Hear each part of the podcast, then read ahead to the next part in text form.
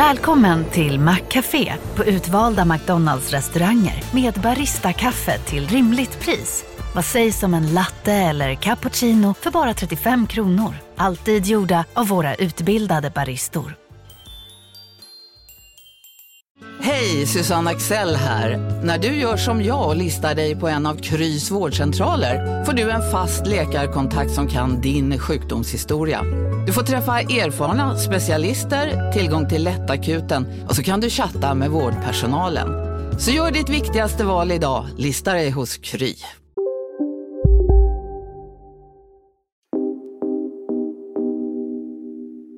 Från Monopol Media, det här är Kapitalet. Jag heter Gunnar Harjus. Och jag heter Elinor Aborn. Det här är Fredrik. Jag heter Fredrik. Mer känd under sitt Twitter-namn. Guld och gröna skogar. Elinor, vi har ju alla olika hobbys. Du Mm. kanske gör din egen kombucha. Jag vet inte. Jag köpte en sån svamp tre år efter trenden. Ja. Inte börjat än. Den ligger och gror i ett skåp. Ja, okej. Och jag kanske odlar min egen zucchini eller någonting. Fredrik gör någonting annat. Jag mäter inflation på några vanliga matvaror, basvaror. Han mäter sin egen inflation. Exakt så. Eh, Fredrik jobbar alltså inte på Statistiska centralbyrån utan han har satt ihop en egen matkasse som han varje månad mäter priset på och så för han statistik i Excel. Jag valde ut varorna på, jag menar så, alltså, först och främst lite av det vi själva handlar till vårt hushåll. Eh, jag eh, tänkte jag skulle ha ett ganska brett spektra på produkterna. Det är nio stycken produkter i dagsläget. Det är liksom mjölk, Bregott, juice, vetemjöl, äpplen, fläskfilé, nötfärs, ägg, Gevalia, kaffe. Så varje månad så samlar han in priserna på de här varorna och så levererar han en eh, siffra på hur mycket inflation det har varit. Och hur mycket inflation är det då, enligt Fredrik? Det jag ser nu och det man kan se är att på ett år så har prisutvecklingen gått upp 9,61 procent i snitt på de här nio varorna. Nästan 10 procent. Nästan 10 procent. Eh, Det här var i slutet av februari. Ska jag säga. Så att sen dess har han gjort en till som visade en årsinflation på Fredriks varor på 11,9 procent. Det är jättemycket. Det är jättemycket. Sen är det liksom olika för olika varor då såklart. Mest statiskt faktiskt eh, har varit eh, svensk fläskfilé, eh, kilopriset. Det har faktiskt bara gått upp, noll, eh, det har gått upp 0,57 procent på ett års tid. Eh, mest är eh, kaffe. Eh, kilopriset på kaffe som har stigit från sjut- nästan 73 kronor till nästan 102 kronor. Alltså ja, i snitt 40 procent har kaffepriset gått upp. Förlåt, men alltså varför mäter Fredrik sin egen inflation? Alltså, han vet väl att det finns jättemånga människor som jobbar liksom heltid med att mäta inflationen genom alltså, konsumentprisindex, också känt som KPI. Det vet han. Alltså, jag har väl egentligen inget problem med KPI-mätningen men utgångspunkten var när man pratar KPI eh, och man hör det flyger förbi på nyheterna liksom i ekonomi, radio och tv. Då tror jag folk har väldigt lite att relatera till. Jag tror inte man vet. 99 procent av Sveriges befolkning har väldigt lite förståelse för KPI-siffran som SCB och Riksbanken tar fram. Då. Så att eh, det här blev ett, ja, men en direkt enkel. Du kan bara titta på en, en Excel-fil eller en, en, eh, en tweet liksom och se hur, hur det faktiskt ser ut. Man kan väl summera lite grann som att Fredrik inte riktigt känner att KPI-mätningen och den officiella inflationen riktigt reflekterar verkligheten utan eh, han känner att det finns en annan inflation där ute, en högre inflation. Och det här är inte Fredrik ensam om utan jag känner att jag typ befinner mig, okej Twitter är inte verkligheten och så vidare men jag känner att jag befinner mig liksom i två parallella bubblor. En bubbla där alla är överens om att inflationen är jättehög och den är permanent och det är ett enormt problem för Sverige.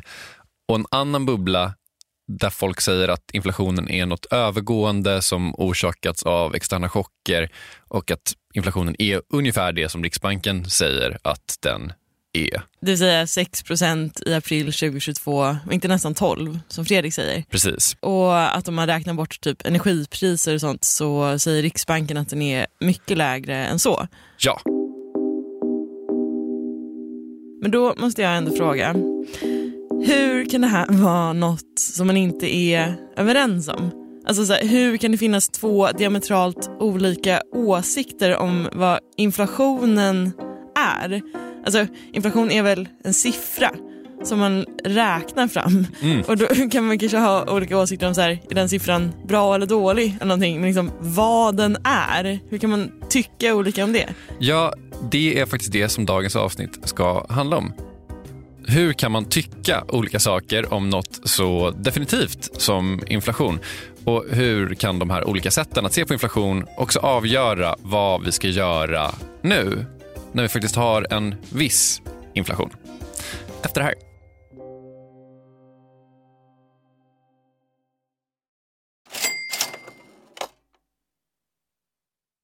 Kapitalet sponsras av SPP och Storebrand Asset Management. Eh, Storebrand och SPP hör ju ihop sedan många år och utan att gå in på några detaljer här och nu så kan vi i alla fall säga att eh, Storebrand förvaltar över 1200 miljarder kronor bland annat åt just SPP. Och du har ju träffat Storebrand, Jakob, och pratat om eh, Kina Ja, eh, vi, pratar i alla fall om hur Kina blivit en sån otroligt viktig del i omställningen av energisystemet. Eh, över 70 procent av värdekedjorna inom vind och solkraft kontrolleras av Kina, vilket mm. är otroligt när man tänker på det. Ja. Och Det handlar om att Kina väldigt tidigt insåg att energi är makt och att man genom sol och vindkraft kan göra sig typ fri från att importera olja och gas och sånt. Then if you think that tomorrow or today's you know power base is going to in a large part be about renewables, then obviously having a stranglehold on those renewables and all the technologies that go into it is going to be part and parcel of that power play. Eh, det här är då Philip Ripman som ansvarar för Storbrand Global Solutions, eh, en fond som investerar i lösningsbolag över hela världen. Mm. Och hela det här avsnittet om Kina och geopolitiken som nu liksom är invävd i den globala omställningen, eh, den släpper vi som en bonus här i kapitalet nu i veckan.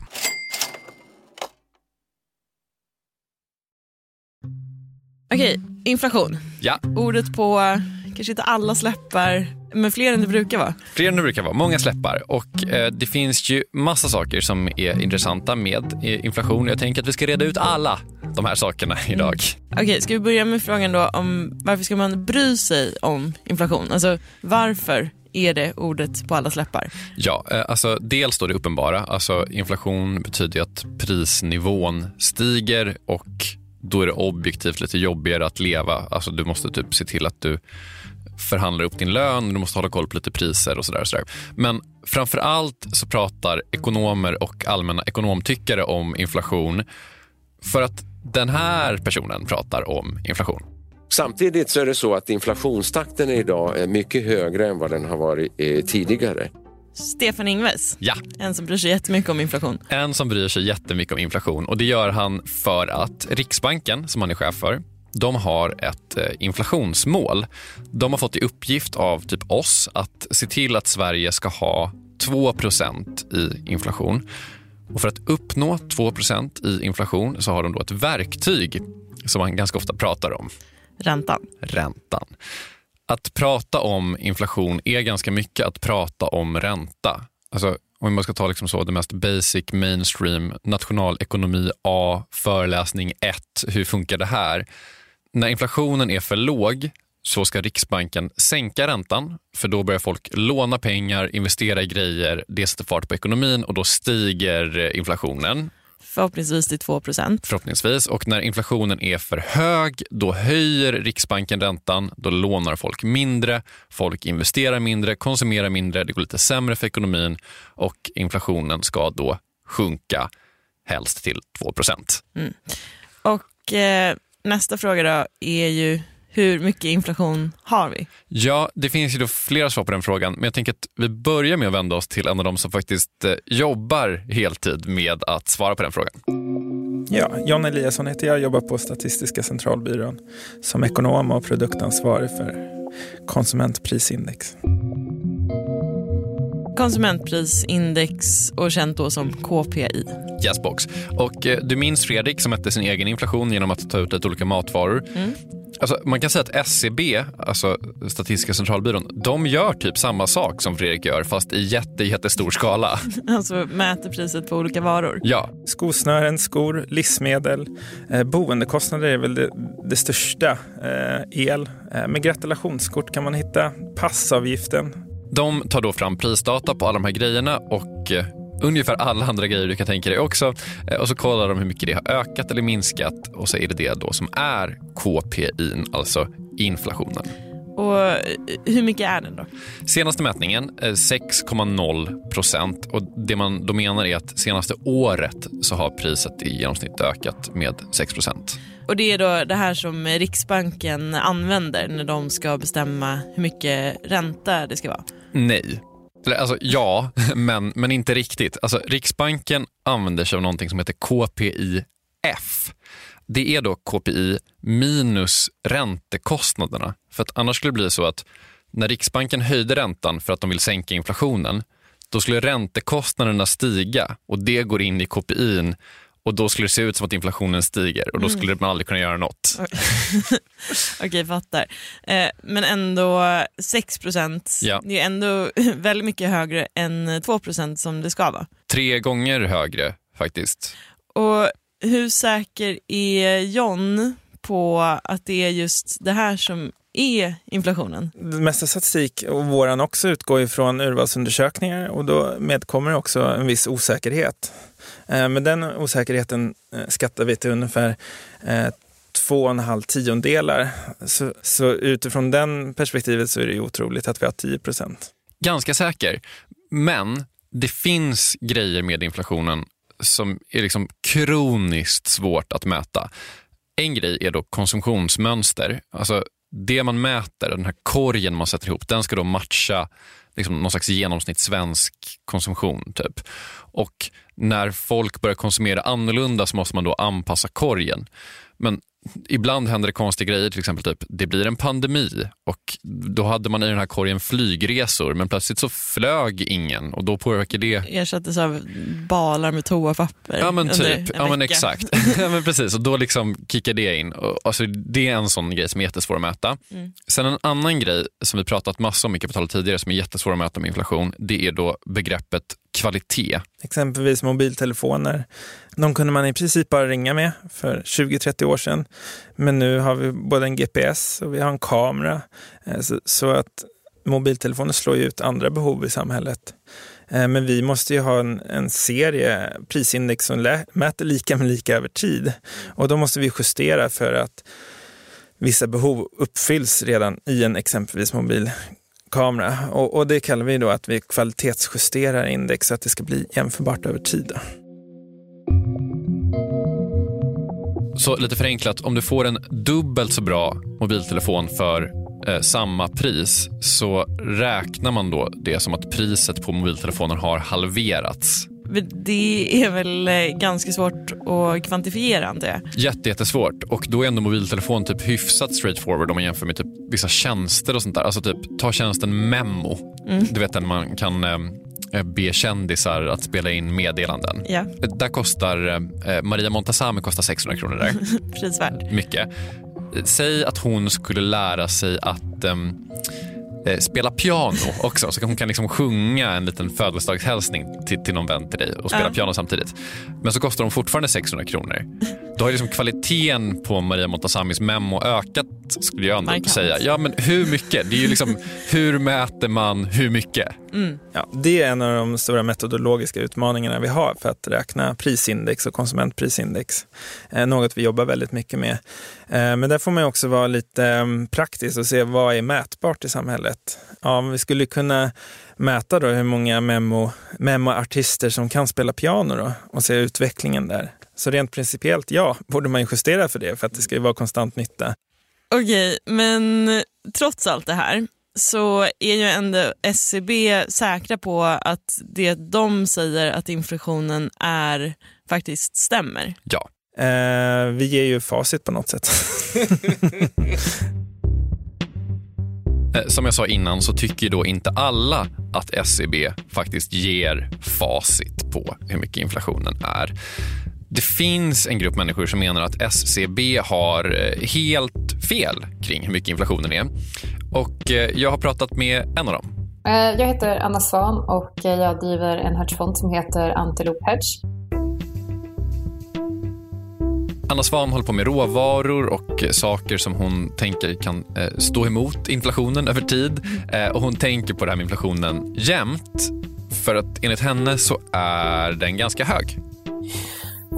Alltså jag skulle nog säga att vi har upp mot eh, 9-10 procent i Sverige nu. Och den är också på väg upp. Men någonstans mellan 10 och 15 procent. För att vara helt eh, ärlig mycket högre än SCB och till och med ännu högre än Fredrik va? Som, som mätte sin egen inflation. Ja, i alla fall om man tar den 15% halojen så är väl det högre än vad Fredrik fick fram. Och, och vad baserar hon det här på då?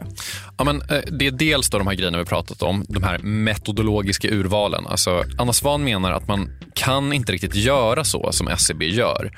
Visst, en mobil kan göra mycket mer grejer idag än vad den kunde förr. Men den är inte de facto billigare. Vi vet ju alla att för tio år sedan var det billigare att köpa en mobiltelefon än vad det är idag. Problemet är då att man tittar på datorkraft och då tycker eh, SCB och eh, eh, Riksbanken då att vi får ju mer datorkraft per krona. Eh, och ja, det stämmer. Men eh, om man skulle köpa en bra telefon för tio år sedan så kanske man betalade 3-4 tusen. Eh, och ska man köpa en bra telefon idag så får man betala 15 000. Så det är betydligt mycket högre priser per enhet men såklart lägre per datorkraft. Okej, så hon menar att man måste jämföra liksom, en bra mobiltelefon 2010 med bra mobiltelefon 2022 snarare än vad den liksom faktiskt kan göra. Ja men precis, alltså, om jag köper en ny telefon så kanske inte jag har en lista där jag tänker typ så, um, min nuvarande telefon har 256 megabyte RAM-minne. Nu vill jag att den ska ha 512 och den ska ha så här många megapixlar. Utan jag tänker kanske, jag vill köpa en bra telefon eller den näst bästa telefonen eller någonting. Och då måste man liksom mäta dem mot varandra snarare än typ så, så här mycket datakraft har ökat för att ingen tänker så. Mm. Sen då det andra som gör att Anna Svan säger att eh, inflationen är mycket högre än vad SCB e får fram, det är då tillgångspriser. Och det, man kan väl summera det som att det typ är aktier och fastighetspriser. Det är liksom ingenting man riktigt mäter i KPI för att KPI ska mäta konsumtionen och man konsumerar liksom inte riktigt sin bostad, man äger den. Man liksom, du äter ju inte upp den, typ, utan den finns kvar, du kan sälja den vidare. Liksom. Eh, utan det man räknar är då typ hyra eller motsvarande hyra för, för en bostadsrätt. Och alla som varit i till exempel Stockholm någonsin vet ju att det enda folk pratar om är hur dyrt det har blivit att köpa en bostad. I Stockholm är det ju i princip helt omöjligt att uh, köpa en lägenhet om du inte lever i en parrelation och har föräldrar som hjälper dig med kontantinsatsen om du ska vara en förstagångsköpare. Så, vi har alltså två lite olika takes på hur mycket inflation vi egentligen har. Eh, och med de här takesen så följer då också inte helt överraskande två lite olika förklaringar på var inflationen egentligen kommer ifrån. Dels den då som kommer från SCB. Elpriser och drivmedelspriser som gick upp väldigt mycket under hösten. Så redan i december så var inflationen över 4% vilket det inte har varit sedan 90-talet, början av 90-talet. Eh, men nu under början av 2022 så ser vi fortsatt höga elpriser och drivmedelspriser men vi ser också att det börjar sprida sig till andra delar av ekonomin. Livsmedelspriserna börjar öka mycket. Det här är då den så kallade externa chockförklaringen. Alltså, först så stack energipriserna av olika anledningar eh, som vi inte kunde styra så mycket över, till exempel pandemi och nu krig. Och många som har den här förklaringen menar då att det här är övergående, alltså energipriserna är övergående och därför så är inflationen egentligen inte så här hög. Alltså det finns någon slags riktig inflation om man räknar bort energipriserna och den är mycket lägre. Den här förklaringen, alltså externa chockförklaringen, vi kanske inte behöver säga i och med att den kommer från SCB. E det här är liksom mainstream-förklaringen. Just det, och det finns också en annan förklaring då. Ja. Det är över ett decennium eh, med eh, låga eller minusräntor i Sverige och generellt högt penningtryckande globalt. Eh, så det är monetära stimulanser och det är låga räntor. Och det gör att priset på pengar blir så pass billigt att det blir väldigt mycket pengar i omlopp och till slut så läcker det här ut i konsumentpriser. Det här är ju den eh, klassiska definitionen av inflation, alltså penningmängd. Ja men precis och den eh, hänger Anna Svan och många med henne fast i ganska mycket. Typ, Riksbanken har tryckt massa pengar, det skapar inflation. Mm. Det är liksom det som är grejen. Sen i ärlighetens namn ska man väl säga att de här två förklaringarna, alltså, de utesluter inte varandra helt. Alltså, det är inte så att SCB e inte vet att det har tryckts massa pengar mm. och Anna Svan fattar att inflationen kanske inte har hjälpts av att Ryssland invaderat Ukraina. Precis, men, men det är ändå två olika takes. Men det är ändå två olika takes.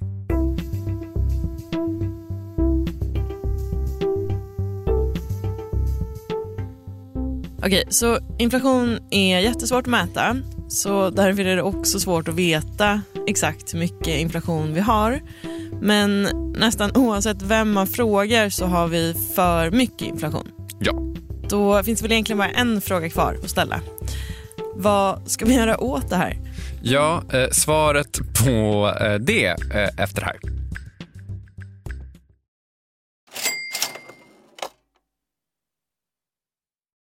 Vi sponsras av SPP och vi var med dem eh, på Tech Arena förra veckan. Och jag tänkte berätta om en bolagspitch som jag såg. Ja.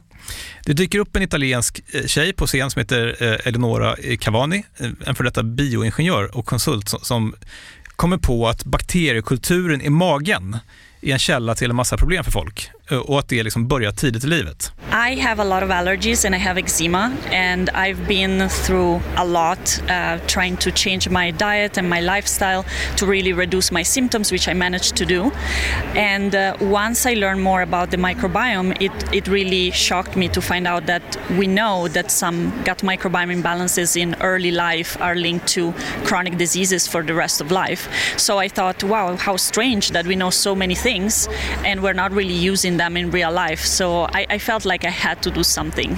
Så hon startar något som heter Alba Health, eh, jag förväxlar med Alba Golf som vi gillar, eh, där småbarnsföräldrar kan skicka in prover från sina barn. We send you a kit. Um, it's a test that you can take at home. We need a poop sample. You can take it from the diaper. We receive it, we analyze it, we give you back results and recommendations on uh, lifestyle, food and uh, potentially probiotics. Och, och folk kommer liksom tycka att det är lite äckligt och sånt, men jag kände så här, det är så mycket negativitet i världen just nu. Eh, och du var inne på det tidigare, liksom att det här stället var ju fullt med folk som typ vill göra grejer. Mm.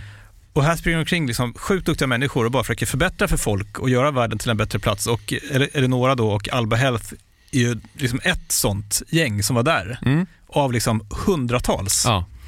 Eh, och det gjorde mig glad faktiskt. Ja, nej, det, jag tycker det lät toppen och grejen är också att sådana här idéer och projekt som förbättrar samhället över tid, de tar tid eh, och behöver liksom långsiktigt kapital. Och då kan ju vi genom pensionerna göra stor skillnad. Jag ska säga att SPP har ingenting med Alba Health att göra. Jag, hittade henne bara, jag tyckte hon var duktig. Caset finns ju och det är väl den här typen av saker som kan ta väldigt lång tid, där pensioner verkligen kan göra skillnad och där liksom pensionernas roll i ekonomin kan bli extra tydlig. Och den kopplingen tänker man inte på så, så ofta. Nej, men eh, med den kopplingen in mind så säger vi tack till SPP som gör oss medvetna om pensionernas roll i ekonomin och herregud i vår privatekonomi också. Precis, tack. Tack. Så Sverige har hög inflation, den högsta på 30 år. Mm. Och eh, nu ska vi berätta vad man kan göra åt det. Ja, och med vi så menar jag såklart nationalekonomiprofessorn Annika Alexius vid Stockholms eh, universitet. Denna flådiga titel har jag haft sedan 2008. Innan 2008 så jobbade Annika Alexius bland annat på Riksbanken eh, och hon är, bara för att vara supertydlig, mer i inflation är en extern chock-laget än i vi har tryckt alldeles för mycket pengar-laget i liksom matchen här kring var inflationen kommer ifrån. Eh, och, och, Vad kan man då göra åt inflationen? Ja, men om man ska börja med eh, det andra laget, alltså inflationen kommer av att vi har tryckt för mycket pengar. De menar ju då att vi surprise, surprise, ska sluta trycka pengar mm. Eh, och sen höja räntorna lite grann och långsamt. Medan inflationen är en extern chock-laget. De menar att vi ska vänta ut de externa chockerna och samtidigt höja räntorna lite grann. Okej, så att i, i båda fallen så landar det på Riksbanken här? Ja, men Annika Alexius är helt ärligt lite skeptisk till hur mycket ens Riksbanken kan göra åt det här. Alltså hur starkt sambandet mellan ränta och inflation egentligen är. Folk har väldigt olika uppfattningar om hur starkt det sambandet är. Riksbanken har en, en väldigt eh, överdriven roll, eh, uppfattning om sin egen betydelse. Mm. Så i deras modeller, man kan ju se på siffrorna, hur mycket faller inflationen när vi höjer räntan 1% så har de nästan 1 till 1. När vi höjer räntan 1% så faller inflationen med 1% Det är en mycket större, starkare effekt än vad de flesta andra har. Exakt hur stark den här effekten är, det är såklart väldigt omstritt. Annika tror att den kanske ligger på typ 1 till 4. Alltså om man skulle höja räntan med 1 så sjunker inflationen med 0,25 procent. Okej, så att eh, Riksbanken skulle kunna trycka ner inflationen om man bara höjde räntan tillräckligt mycket? Ja, men eh, det skulle inte vara eh, idealt. De påverkar inflationen genom att påverka BNP och arbetslöshet. Så om de skulle anta att vi nu importerar 8% inflation och de gärna vill faktiskt ha ner den till 2% då kanske de måste höja arbetslösheten till 15% Det kan de. Mm. Men det är, inte, det är inte samhällsekonomiskt vettigt att göra det. Okej, så att om de vill trycka ner inflationen så kan de höja räntan jättemycket men då kommer folk bli arbetslösa. Ja men precis, för att höjer man räntan så börjar folk spara istället för att konsumera och de lånar inga pengar eh, för att göra saker nu. Alltså, man kan tänka på ränta lite grann som att typ, när den är låg så är det något som uppmuntrar folk att flytta konsumtionen från framtiden till nu. Men när räntan är hög så är det något som uppmuntrar folk att flytta konsumtion från nu till framtiden. Vänta till nästa födelsedag med en födelsedagshälsning där Maria Montazami spelar piano. Typ.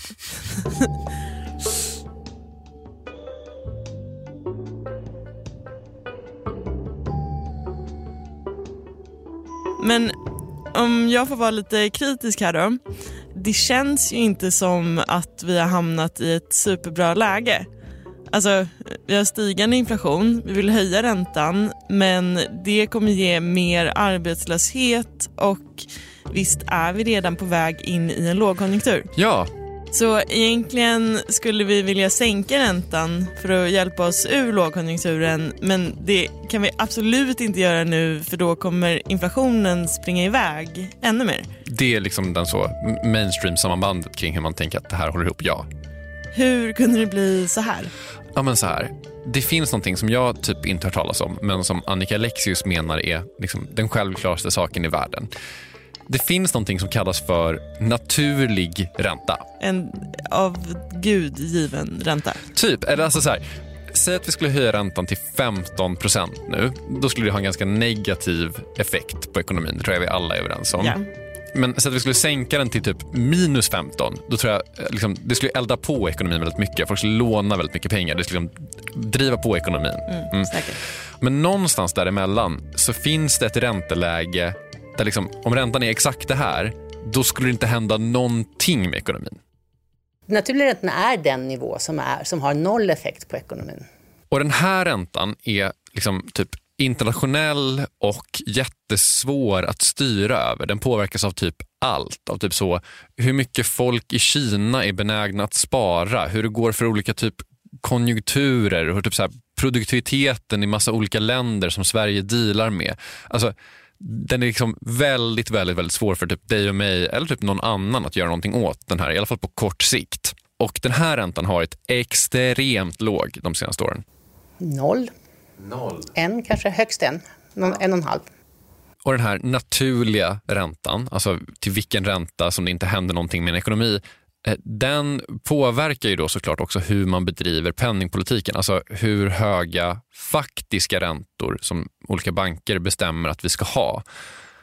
Och när den här naturliga räntan har blivit så låg eh, så har den gjort att Riksbanken har sänkt sina räntor och sänkt sina räntor och till slut så har de blivit noll och till och med minus.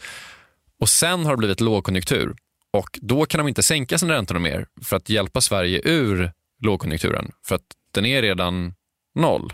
Då är det meningslöst att ha penningpolitik i princip. Det är meningen att de ska kunna stabilisera ekonomin.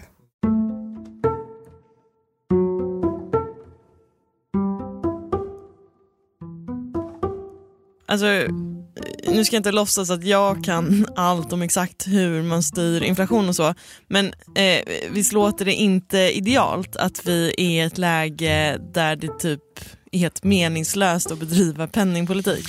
Nej men det låter ju inte eh, så bra, men tack och lov så finns det tydligen en lösning. Eller eh, Annika Alexius har en lösning på det här problemet.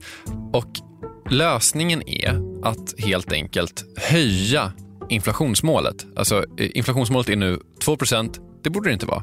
Det borde vara 4 Därför att penningpolitiken kan inte stabilisera ekonomin i lågkonjunkturer som det är nu. Räntan var redan 0% när den här lågkonjunkturen kom. Då kan Riksbanken inte hjälpa ekonomin upp ur lågkonjunkturen genom att sänka räntan. Hade vi ett högre inflationsmål så skulle vi ha en högre normal ränta och då skulle det gå att sänka den. Då skulle vi kunna använda penningpolitiken som det är tänkt.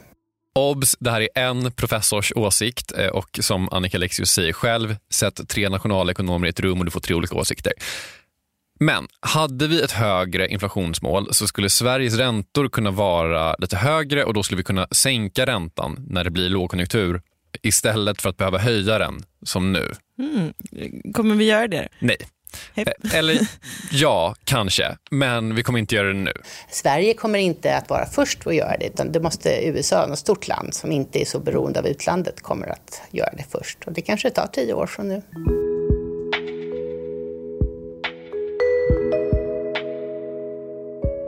Då har jag en sista fråga. Mm. Det här kanske är en lite dum fråga, Mm. men jag kommer ställa den ändå. Ja. Eh, alltså, vad spelar det för roll vad vi har för inflation?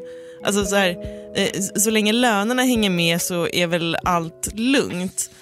Alltså, eh, jag fattar ju att det är superjobbigt med hyperinflation och liksom 50% i kvartalet kanske inte vill ha. Nej. Men, men 6% som det är nu, är det liksom verkligen hela världen om jag också får 6% i löneökning? Man kan ha eh, typ 8% inflation och 8% löneökningar utan att det spelar jättestor roll egentligen.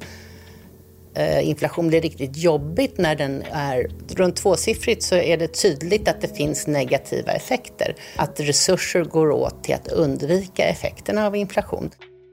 Så att på runt 10 så börjar det bli jobbigt för då kommer man börja lägga massa tid på att undvika inflationen och det är inte bra.